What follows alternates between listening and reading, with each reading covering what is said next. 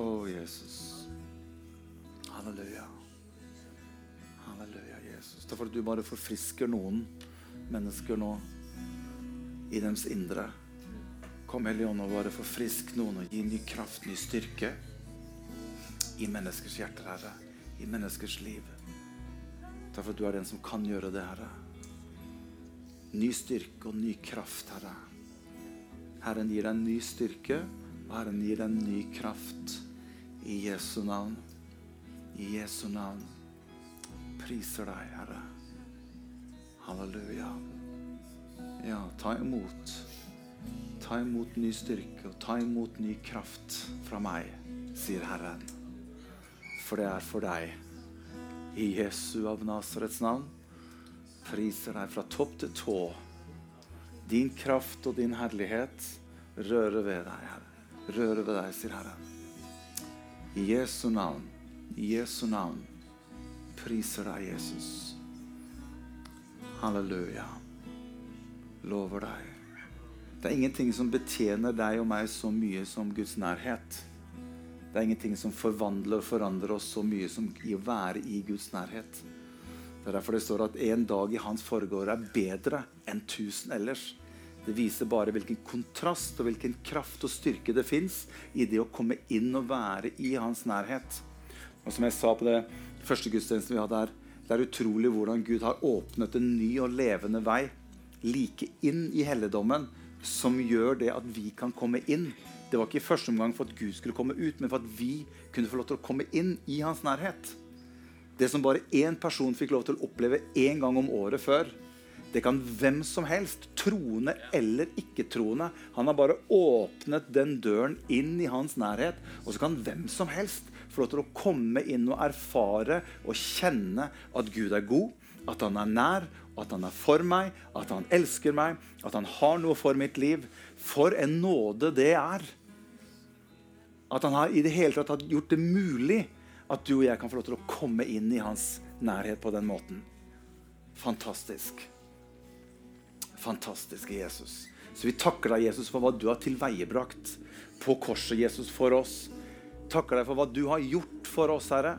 Takk for den store nåde som du har vist, Herre. Og du ønsker oss velkommen inn i din nærhet. Og vi kan få lov til å stå i din nærhet uten skyld og uten skam.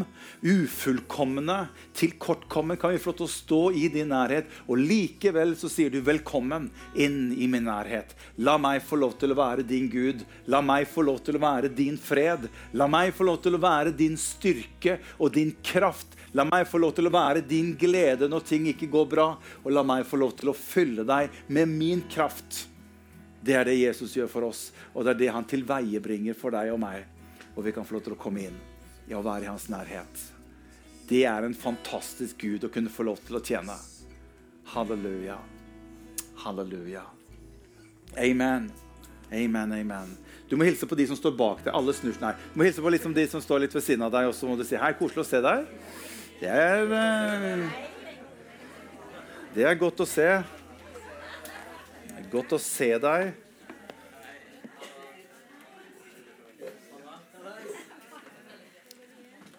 Så bra. Flott å se dere som har kommet til det som har ranglet ute i hele natt og sett på Grand Prix. Så kan dere få lov til å komme til 13-gudstjenesten og fått sovet litt ut på morgenen. Det er, det er veldig, veldig bra. Eh, vi, vi, hadde en, vi, hadde en, fantastisk gudstjeneste her klokken 11. Og eh, Den hellige ånd kom på en veldig sånn sterk måte og betjente oss. og Det, det ble ikke så mye tid til overs for å kunne dele eh, det jeg egentlig skulle dele. Så eh, det, vi tar opp denne gudstjenesten her, og så får jeg delt noe av det som jeg har på hjertet for i dag. Og så må dere komme, så jeg sa, dere må komme inn neste søndag. For ellers så blir det liksom litt sånn derre hva var det han egentlig ville fram til i dag? Liksom? Det, det, det, det, blir liksom, det blir sånn Blande noen par ingredienser, så skal du regne med at du får en kake.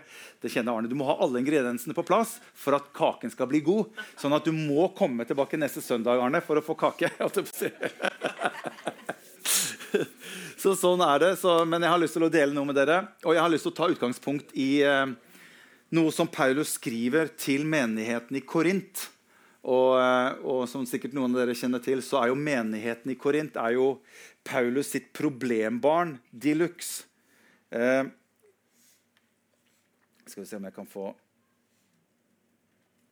vekk denne her. Nå er vi ikke på sending, så nå går det an å bare få vekk den her. Så nå skal vi se. Dere har tid, dere har ikke det? Det er verre når du står på online-sending og du preker, og det er helt stille, og mot slutten av prekenen så plutselig så slår Siri inn.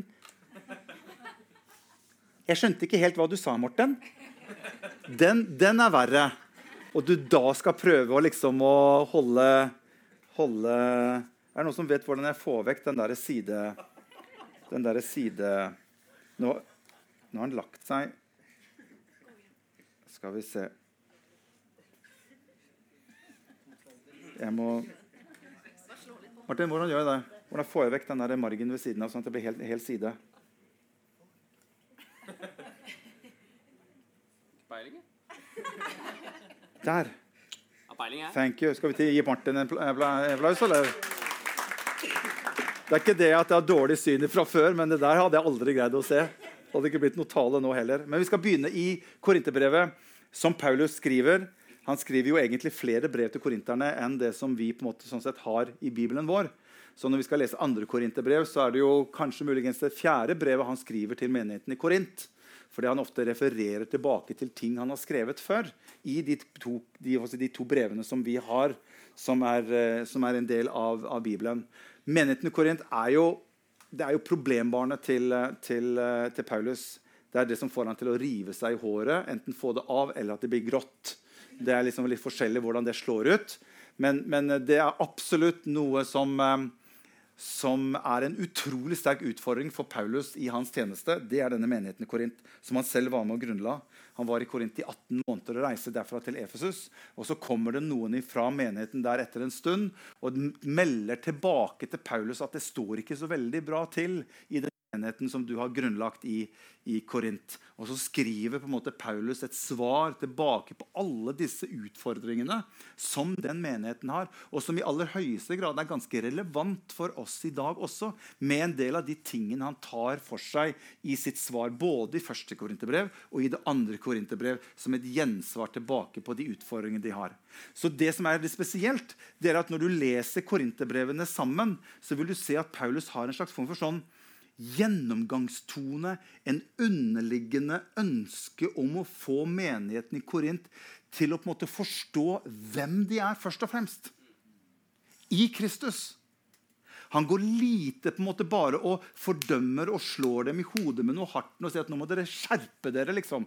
Hvis, no, hvis det var en menighet han virkelig hadde hatt grunn til å virkelig slå dem i hodet med noe hardt, i forhold til den synd og i forhold til den umoral og i forhold til alt de holdt på med i menigheten i Korint, så er det nettopp i de brevene her. Men han gjør noe litt annerledes. Han prøver å få dem til å forstå hvem de er i Kristus.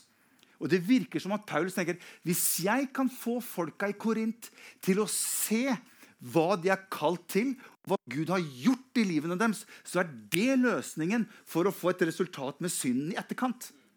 Vi har ofte motsatt tendens. Vi angriper synden først.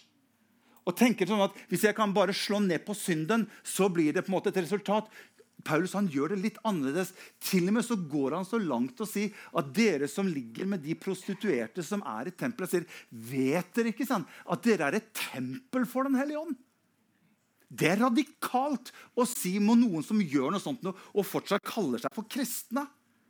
Men han visste det, at hvis jeg skal få en forandring inn, så må de løfte blikket ifra hva de er involvert i. Og de må få øye på hva og hvem de er i Kristus, i dette nye livet som de har blitt frelst ut ifra og inn i sammen med Kristus. Og Derfor så skriver han da dette i 2. Korinterbrev fra kapittel 5 og fra vers 17, som vi skal dele litt sammen. Er du klar for det? Der sier han i vers 17.: Den som er i Kristus, dere, sier han, han er en ny skapning. Han har fått en ny identitet. Og I min oversettelse står det at det gamle er borte, se, det nye er blitt til. Men jeg husker jo i gamle dager når vi refererte dette skriftstedet, så sa vi at det gamle er borte. Se! Alt er blitt nytt. Jeg liker jo egentlig den. altså Den er jo mer schwung over den, da, syns jo jeg. Men, eh, men, det er den som står i oversettelsen min. Men det er noe her som jeg ønsker å dele rundt dette som har med min identitet i Kristus. Fordi at det skjer noe når du og jeg tar imot Jesus, og han flytter på innsiden av deg og meg, så skjer det egentlig noe fantastisk, noe radikalt. Det er at du og jeg som person får egentlig en ny identitet. Jeg vet ikke om dere husker det. Eh, i, I 2004 så var det en mann som ble funnet bak en Burger King i Georgia i USA. Han ble funnet han, han var bevisstløs. Han var naken. Han var forbrent, han var stukket opp, og de fant han bak en Burger King. Og De ringte 9-11 og de ringte og fikk en sykebil til å komme og hente ham. Han ble kommet på sykehuset. Uten noe identifikasjonspapirer. Ingenting. Og De prøver å finne ut av hvem han er. Endelig så kommer han til seg selv. Og når han kommer til seg selv, så har han ingen minne om hvem han er, hvor han kommer ifra, hvilken familie han har, bakgrunnen sin. Alt er slettet ut av hodet på den gutten som de fant. eneste han husker, var at han mente at han het, het Benjamin med to a-er. Det var det eneste han kom på. De, de, kontaktet til og med FBI, kom inn i bildet. De tok DNA-testet han, de tok fingeravtrykk av han, sendte det inn og prøvde å lokalisere hvem er denne personen her. De fant ikke ut hvem han var. De brukte over åtte år på å prøve å finne ut hvem denne personen var. Enda greide de ikke å finne. De gikk ut på nasjonal TV, og det sto også i norske medier. fortalte dette her. De gikk ut på nasjonal TV og radio i aviser med bilde av denne mannen og spør er det noen som vedkjenner seg. Er det noen som har sett eller vet om denne personen? Ingen melder seg. Først nå i 2015 så har man endelig greid å finne og spore tilbake ved enda nyere DNA-forskning hvor han muligens kan komme ifra familiemessig. Og Man finner ut at det er noen familier kanskje i California som muligens har noen aner i forhold til DNA-et på denne personen. Tenk deg selv hvis du skulle våkne et eller annet sted naken. Bare det er jo et uh, Kan ikke tenke på engang. Forslått du våkner opp, du vet ikke hvor du er. Du vet ikke hvem du er. Du kjenner ingen rundt deg. Du blir bare plukket opp. Du vet ikke hvor du kommer fra. Du vet ikke om du har noen familie. Og det er ingen som kjenner deg heller. Du har ingenting, ingen minne i hodet. Du bare vet at du heter Morten. Det er alt. All identitet er borte. Åssen hadde du følt det? Det er en skremmende tanke. Jeg har lyst til å si litt om identitet. fordi Jeg har lyst til å koble dette her litt opp imot det vi skal snakke om dette med den nye identiteten eller den nye skapelsen vi er i Kristus. Så jeg har lyst til å si litt om dette med identitet. fordi at det med identitet er noe som er veldig relevant i vår tid. Noe vi snakker veldig mye om i samfunnet og i den kulturen som, som vi, lever i. Og i dag er jo hva skal vi si, egenidentitet det er jo selve den moralske absolutt som vi har i dag. Og hva sier den for noe? Jo, Den sier at du må være deg selv. Det er noe av det som er det viktigste i den, si, den moderne kultur i dag. Det er at du og jeg vi må være oss selv. Og Jeg har lyst til å dele noen tanker litt rundt det her, for dette kan bli litt utfordrende for oss som kristne. For Vi er jo ikke bare mennesker som ønsker å gå rundt oss og gjøre litt godt og være litt snille. Nei, Vi er jo mennesker da som har opplevd å få en ny identitet.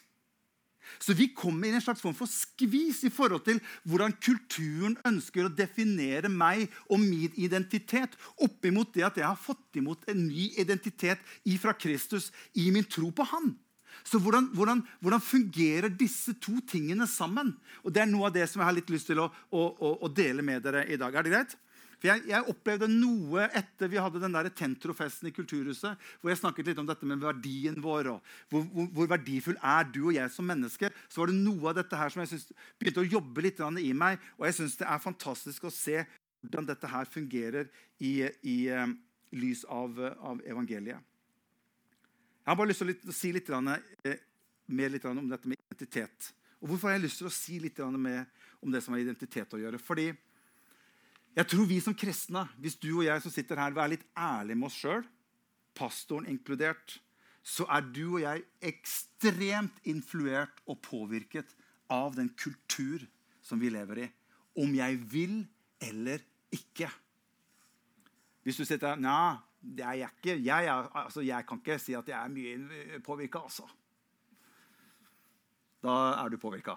Det, det er et godt tegn på at du er godt påvirket av, av kulturen som det er en del av.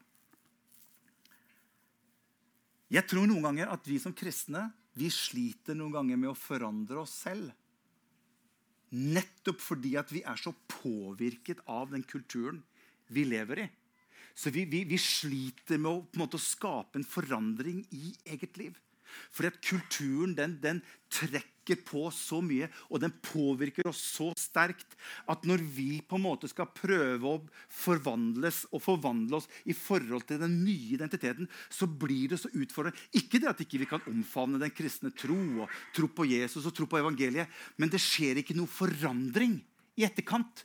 Nettopp, tror jeg, fordi at kulturen vår påvirker oss så sterkt på så mange områder i livene vårt at Guds identitet som han har for deg og meg, får ikke noen sjanse og noen mulighet i det hele tatt til å begynne å påvirke deg og meg i livene våre. Og Det tror jeg er en stor utfordring for dagens kristne mennesker.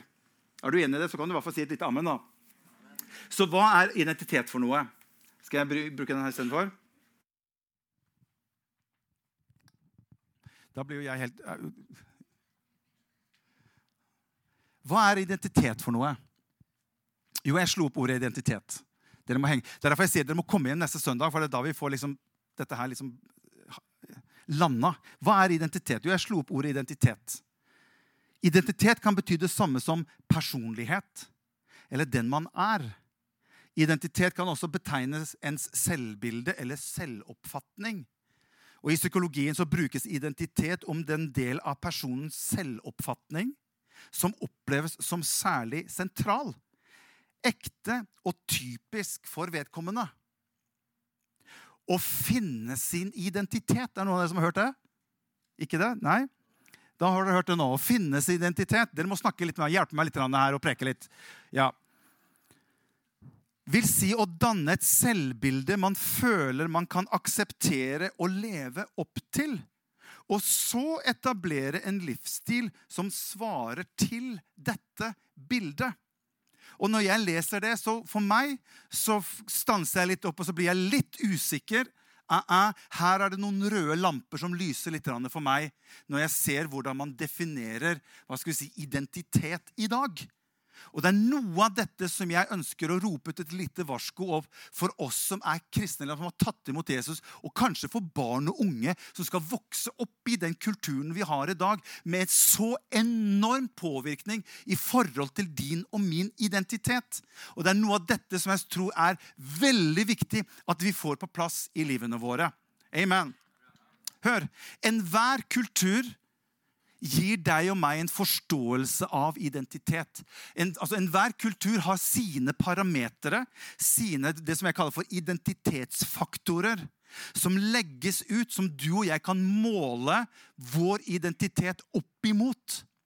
Og Dette forandrer seg i forhold til tidene, og dette forandrer seg i forhold til hvor eventuelt du bor for sånn over, altså generelt globalt på jorden.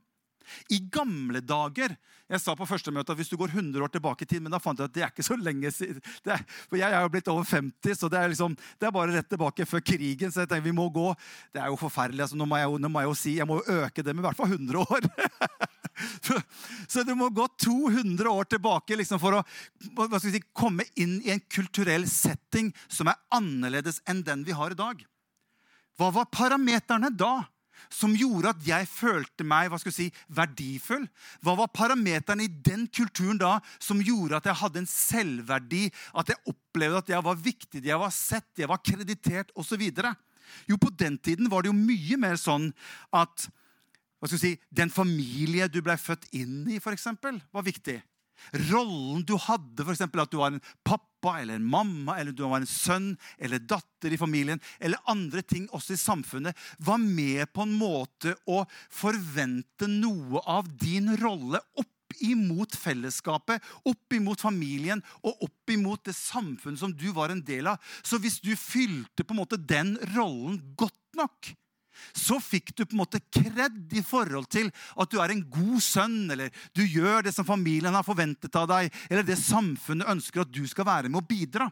Så det var mye mer enn sånn at jeg fikk min identitets hva skal si, bekreftelse ut ifra at jeg fyller en rolle for helheten på utsiden av meg selv. Men det er jo totalt motsatt i dag. Hva er det som er i dag? Nei, Du trenger ikke å, å forholde deg til de som er utsiden av deg selv. Nei, i dag er det sånn, i dag skal du se inn i deg selv. Og I dag skal jeg se inn i meg selv, og jeg må finne på en måte min identitet i meg selv. Jeg må finne de drømmer og de begjær og de lengsler og de følelser og de ønsker som jeg har på innsiden av meg selv. Og det er det som gjelder i dag. Jeg trenger ikke å høre eller forholde meg til hva folk sier på utsiden. Det er nesten litt sånn oppfordret motsatt. Ikke ikke hør på de som er på utsiden. Ikke la noen fortelle deg hvem du er. Ikke la noen fortelle deg hva du skal gjøre, hva du skal finne. Søk inn i deg selv, finn deg selv i deg selv, og gå etter det. Det er på en måte det som ligger øverst i dag i vårt samfunn og i den moderne kultur. Du er deg selv. Du finner ut hva du ønsker å gjøre. Du går inn i deg selv. De drømmer du har, det er det du skal realisere. Og så går du og så jager du etter det. Og Det blir en slags form for nesten sånn heroisk måte å tenke på. Og dette her slår seg ut i alt av media. Det slår seg inn. Bare se filmindustrien. Se bare tegnefilmindustrien. Hvor nøye de er opptatt av at du må finne deg selv. Du må inn. Svaret ligger her på innsiden. Få tak i det og go for it. Bare, bare, er noen av dere som har sett Frozen? Let it go, let it go. Har dere sett den? Hvis dere leser bare teksten på den hovedsangen, så handler den veldig om at ikke, ikke vær den der snille jenta som alltid alle andre ønsker at du skal være, men finn den jenta som er på innsiden av deg, og let it go, alt det andre rundt deg. Det sniker seg inn overalt i vår kultur. At jeg er min egen herre. Jeg finner ut hva jeg selv skal gjøre, hva jeg selv skal mene. Og det som er rett for meg, det er rett for meg. Og det som er rett for deg, er kanskje rett for deg. Og det er ikke sikkert at det stemmer overens med hverandre. Og det er den kulturen som vi lever i i dag. Tror vi. For det er, hvis det er virkelig noe sted lyser røde lamper for meg, ja, så er det denne måten her å tenke på. For jeg tror ikke det fungerer på den måten. Jeg tror vi blir litt drevet inn i en slags form for illusjon. For det, det, høres på en måte litt sånn hvis du tenker, det høres litt sånn rett ut òg, egentlig. Det er ikke de andre som skal. ikke sant? Det er en sånn fint, fin tanke, egentlig. Du selv. Du må finne ut av. Du, du, skal ikke gjøre det for at jeg vil. Alle disse ordene her er jo egentlig fine. Du søker inn i deg selv og så finner du. Og det som er rett for deg, er rett for deg. Og det som er galt altså, du, du er din egen her. Du validerer deg selv. Du, krediter, du krediterer deg selv. Du gir på en måte deg selv din egen identitet. Og hør, hvis jeg skal være helt ærlig, det er livsfarlig. Hvorfor fungerer ikke dette her? La meg si litt. Hør. Fordi at jeg kan ha mange drømmer på innsiden av meg sjøl. selv når du vokser opp og du er ung og, og, du skal på en måte finne ut hva du skal bli. Altså, vi har jo en, Nå er ikke Philip her, så han, han hører ikke dette heller, så jeg bruker bare han som han, han blir alltid eksempelet. Jeg må bruke Jonathan og Benjamin litt mer framover. Men, men, men, men, de to er her, så jeg kan bruke Philip. Men vet du at Philip altså, hvis jeg bare, vet Du hva, du må finne drømmen. Han har 100 drømmer på innsiden av seg selv. han. Og det er litt rart at vi kjenner oss litt igjen. Og det er ikke alltid at de drømmene på en måte matcher hverandre heller. De kan være litt motstridende. For jeg kunne gjerne tenkt meg å gjort det. Å, det hadde vært kult. Men, men jeg kunne tenkt meg å gjort det òg. Men hvis jeg skal gjøre det, så, så ble jeg jo ikke Sånn at det å bare søke på innsiden av seg selv for en drøm, det kan være veldig utfordrende Og særlig for unge mennesker. Og hvis det er ut ifra det jeg på en måte også skal finne min identitet Ja, for Noen ganger så har jeg jo sånne følelser som dette. Og i morgen har jeg jo andre følelser som er annerledes enn de jeg hadde i går. Så hvordan skal jeg på en måte forholde meg kun til meg selv for å finne meg selv og min identitet kun med å gå inn i meg selv? Det fungerer ikke sånn. Det er en illusjon som den moderne kultur ønsker at det skal se så flott ut, men det fungerer ikke i virkeligheten. Og hør, Gud har heller ikke skapt det sånn.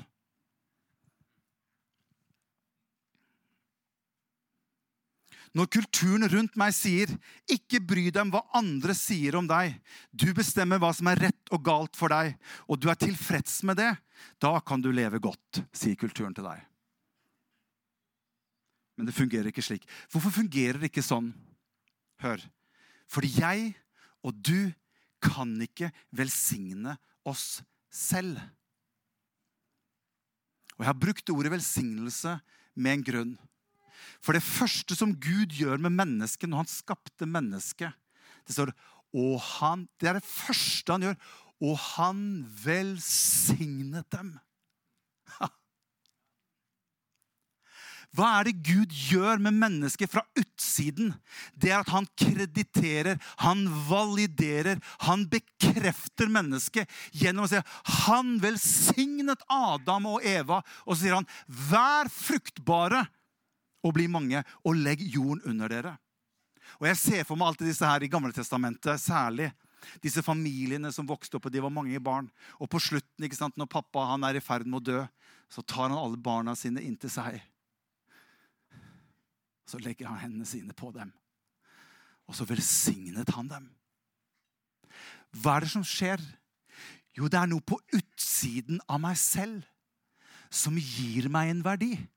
Det er noe på utsiden av meg selv som krediterer meg, som validerer meg, som gir meg en bekreftelse som jeg så desperat trenger i mitt eget liv.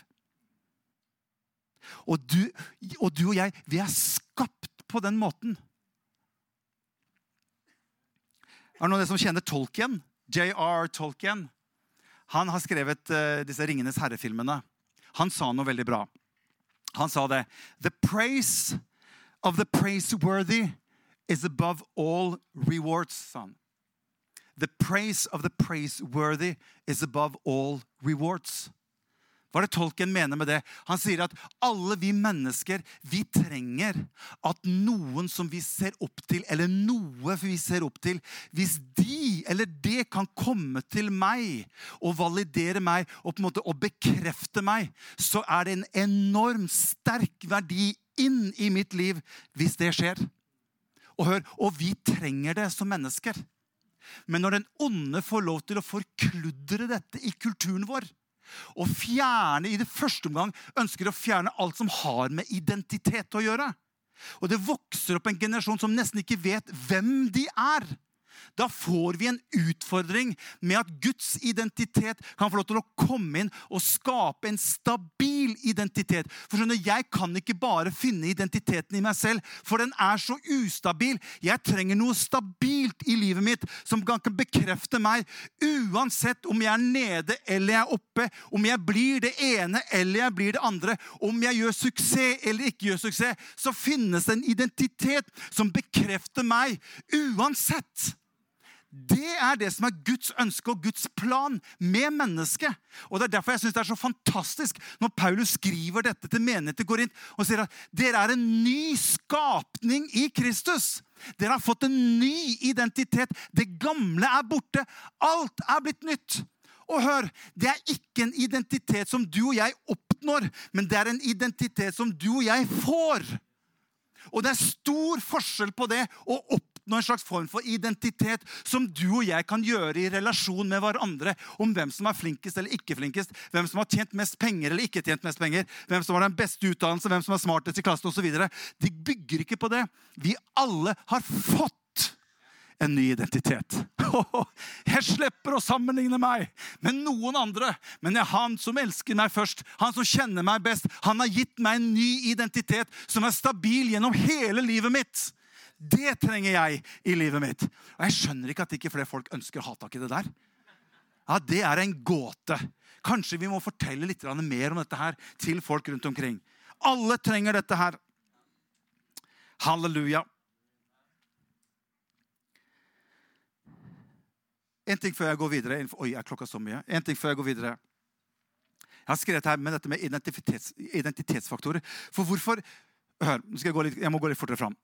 Det som er greia, det er at vi drar med oss kulturens måte å tenke på. Drar vi med oss inn i vårt eget kristenliv.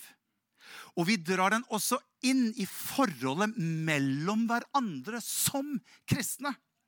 Sånn at den moderne kultur blir veldig sterkt påvirkende inn i hvordan du og jeg relaterer til hverandre. Og det er noen ganger dette som jeg blir av og til litt sånn sliten av. Fordi at vi sammenligner oss hver dag på Instagram og på Snapchat og på Facebook. Og, overalt, og så drar vi noe av den samme greia inn i kristenlivet vårt. Og så legger vi på en måte denne identifikasjonsfaktoren den legger vi litt sånn horisontalt mellom hverandre som brødre og søstre. Så vi måler oss litt sånn opp mot hverandre i forhold til vår, vår åndelighet eller også andre ting i livet. Det er en annen som heter C.S. Lewis. Han var jo en god venn av tolken. Han har skrevet Narnia, blant annet. ikke sant? Han også sa noe smart. Han sa det. Vi er egentlig ikke stolte av å ha penger, men stolt over å ha mer penger enn de andre. Og Det er godt sagt. Sånn at Det at jeg har penger, er på en måte ikke, det, det, gir meg ikke noe identitet. Men hvis jeg kan ha litt mer enn de andre, ja, så får jeg en slags form for identitet i forhold til det. Han sier, at, han sier at vi er ikke stolte av å være smarte, men vi kan være stolt av at vi er litt smartere enn noen andre. Å oh ja, de, de, skjønte ikke den, nei. nei. Sånn at det krediterer meg tilbake. Og dette drar vi med oss ubevisst inn i vår relasjon med hverandre, også i vår kristne sammenheng. Og vi måler hverandre. Og, no, og hør, jeg skal, jeg, skal, skal, ta noen flere eksempler her. Jeg har bare lyst til å få med deg. Hør. Enhver identitet som er oppnådd, i stedet for å bli tatt imot som en gave som Gud har gitt oss, vil kunne være ekskluderende. Hvorfor det? Jo, fordi du føler deg bedre fordi de andre er ikke så gode og flinke som det du er. Skjønner du? Du føler deg bedre for du, de er ikke så opplyst som det du er. Eller de er ikke så radikal. Og de er ikke så radikale som jeg er nok mye mer radikal enn de andre. Eller de er ikke, de er ikke så liberale som det du er. Og de er altfor konservative. Saken er bare at de som føler seg konservativ, kan, kan, kjenne på en slags form for identitet i forhold til det. De andre er jo ikke så konservative. Det er jo jeg som egentlig står for sannheten. Så bruker vi disse parameterne mellom hverandre ubevisst. Og, den, og, og, og vi skal være forsiktige så ikke det er kulturen som gjør og skaper disse forholdene mellom hverandre. Når Bibelen sier at mens vi enda var syndere, så døde Kristus for oss. Og det vi har fått i gave, er ikke noe som vi har tjent av oss selv, men det er en gave gitt av bare nåde. Og i den så fikk vi en ny identitet. Uten at jeg skal kunne sammenligne meg med andre for å fortelle at jeg er nok litt bedre enn deg, Martin. Det har jeg egentlig alltid vært. Så det kjenner jeg godt. Oi, oi, oi. Hør, jeg skal gå til, gå til avslutning snart. Bibelens budskap. Evangeliet er det eneste budskapet i hele verden, hør, som gir deg og meg radikalt en ny identitet uten at jeg er involvert. Det er bare evangeliet som gjør det. Det finnes ikke en religion, det finnes ikke en kultur som er i nærheten. Det gjør at jeg, når jeg tar imot dette som en gave, det gjør meg ydmyk. Burde gjøre meg ydmyk. For jeg var en synder som har blitt frelst av bare nåde. Så den nye identiteten min gjør meg ydmyk, men den gjør meg også oppreist. For han har bekreftet meg. Han har gitt meg verdi. Han har validert meg. Han har invitert meg inn til samfunn med seg. Han har plassert meg ved bordet sammen med seg. Jeg sitter til bords med kongenes konge og herrenes herre. Hva annet er det som greier å gjøre deg både ydmyk, men samtidig oppreist i din identitet? Det er bare den nye skapelsen i Kristus som greier å få til det. Jeg syns det er fantastisk. Halleluja. Romerbrevet kapittel 12 og vers 2. Du kan komme og spille litt i dag, og så skal vi gå mot avslutning. Romerne 12, 2. Derfor så er Paulus litt obs på dette her. Vi skal komme litt tilbake til dette neste søndag, så dere må bare komme her neste søndag. Så enkelt er det. Ja, ok. Eh, Romerne 12, 2. Dette her skriver Paulus, og sier han Innrett dere ikke etter den nåværende verden. Eller han kan si sånn Ikke bli så formet lik den kulturen som er i dag som du og jeg møter hver eneste dag. Men la dere forvandle ved at sinnet deres fornyes, så dere kan dømme om hva som er Guds vilje. Det gode, det som er til glede for Gud, og det fullkomne. Så hva er denne nye identiteten som du og jeg egentlig har fått? Hva er det for noe? Hvis vi går tilbake til det skriftet som vi begynte med, så sier Paulus at den som er i Kristus, han er en ny skapning, sier han. Det er ikke det at du får en ny kropp som kristen. Vi, vi, vi beholder fortsatt den kroppen vi har. Men når Paulus skriver at dere er en ny skapning i Kristus, så består du og jeg som menneske av ånd, av sjel og av legeme. Og det innerste i mennesket, menneskets ånd, blir født på ny. Og det er i den det står, som, Paulus snakker om, at det er der den nye identiteten min har kommet. Jeg har fått en ny identitet i Kristus Jesus. Og så er det i etterkant av det at jeg forvalter det som jeg har fått på innsiden, slik at det kan begynne å gjøre seg gjeldende på utsiden av bare min ånd. For Gud ønsker ikke bare at det er din og min ånd som skal på en måte bli ny i Kristus. For i utgangspunktet er det bare min ånd som er født på ny. Min sjel er ikke født på ny. Og min kropp er heller ikke født på ny. Men vi har fått en ny identitet. Og hør, den virkelige Morten, den egentlige Morten, han har fått en ny identitet i Kristus. Og når jeg satt og leste tenkte, altså jeg, jeg, jeg, måtte nesten bare opp og hoppe av stolen. For det er bare sånn, plutselig så ser jeg, så ser jeg på en måte meg sjøl i Kristus. Jeg, akkurat som jeg så Morten her borte. Han står, og han har for så vidt en kropp. For han er en ny skapelse i Kristus. Og så står han og ser på meg på en måte sånn ut av kroppen-opplevelse. Og jeg står her og betrakter at jeg har fått Jeg er en ny skapning i Kristus Jesus. Og så er det akkurat som Morten sier til meg. Morten, det fins mer for deg gjennom at du har blitt født på ny, og du har blitt en ny skapning i Kristus. Det stopper ikke bare her. For noen ganger kan du og jeg oppleve at det stopper litt opp. Det blir på en måte bare den derre ja, Jeg tror på Jesus, og Jesus har flyttet inn i hjertet mitt. Og det er fint. Men hva nå? Og så er det kulturen på utsiden som setter hele tiden begrensninger eller påvirker eller setter rammer for hvordan du og jeg skal føle oss. Jesus har noe mye, mye mer for deg og meg enn at det er kulturen i verden som skal styre oss fra dag til dag. Når vi har fått en ny identitet i Jesus Kristus, da er det det som skal være med og styre oss fra innsiden og ut. Og det er dette Paulus' siste skrivsted som er så radikal på når han skriver i 1. Tesalonikerbrev kapittel 5 og 23. Og vi skal lese dette, for jeg føler ikke alt dette her. Se hva Paulus sier. Han er, han er så radikal. Noen ganger syns jeg Paulus er altfor radikal. Han sier at må han, fredens Gud, hellige dere helt igjennom, sier han.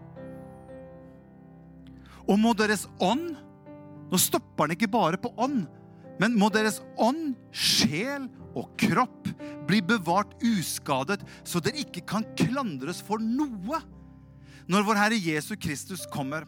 Trofast er Han som kaller dere til dette, og Han skal fullføre det, sier han.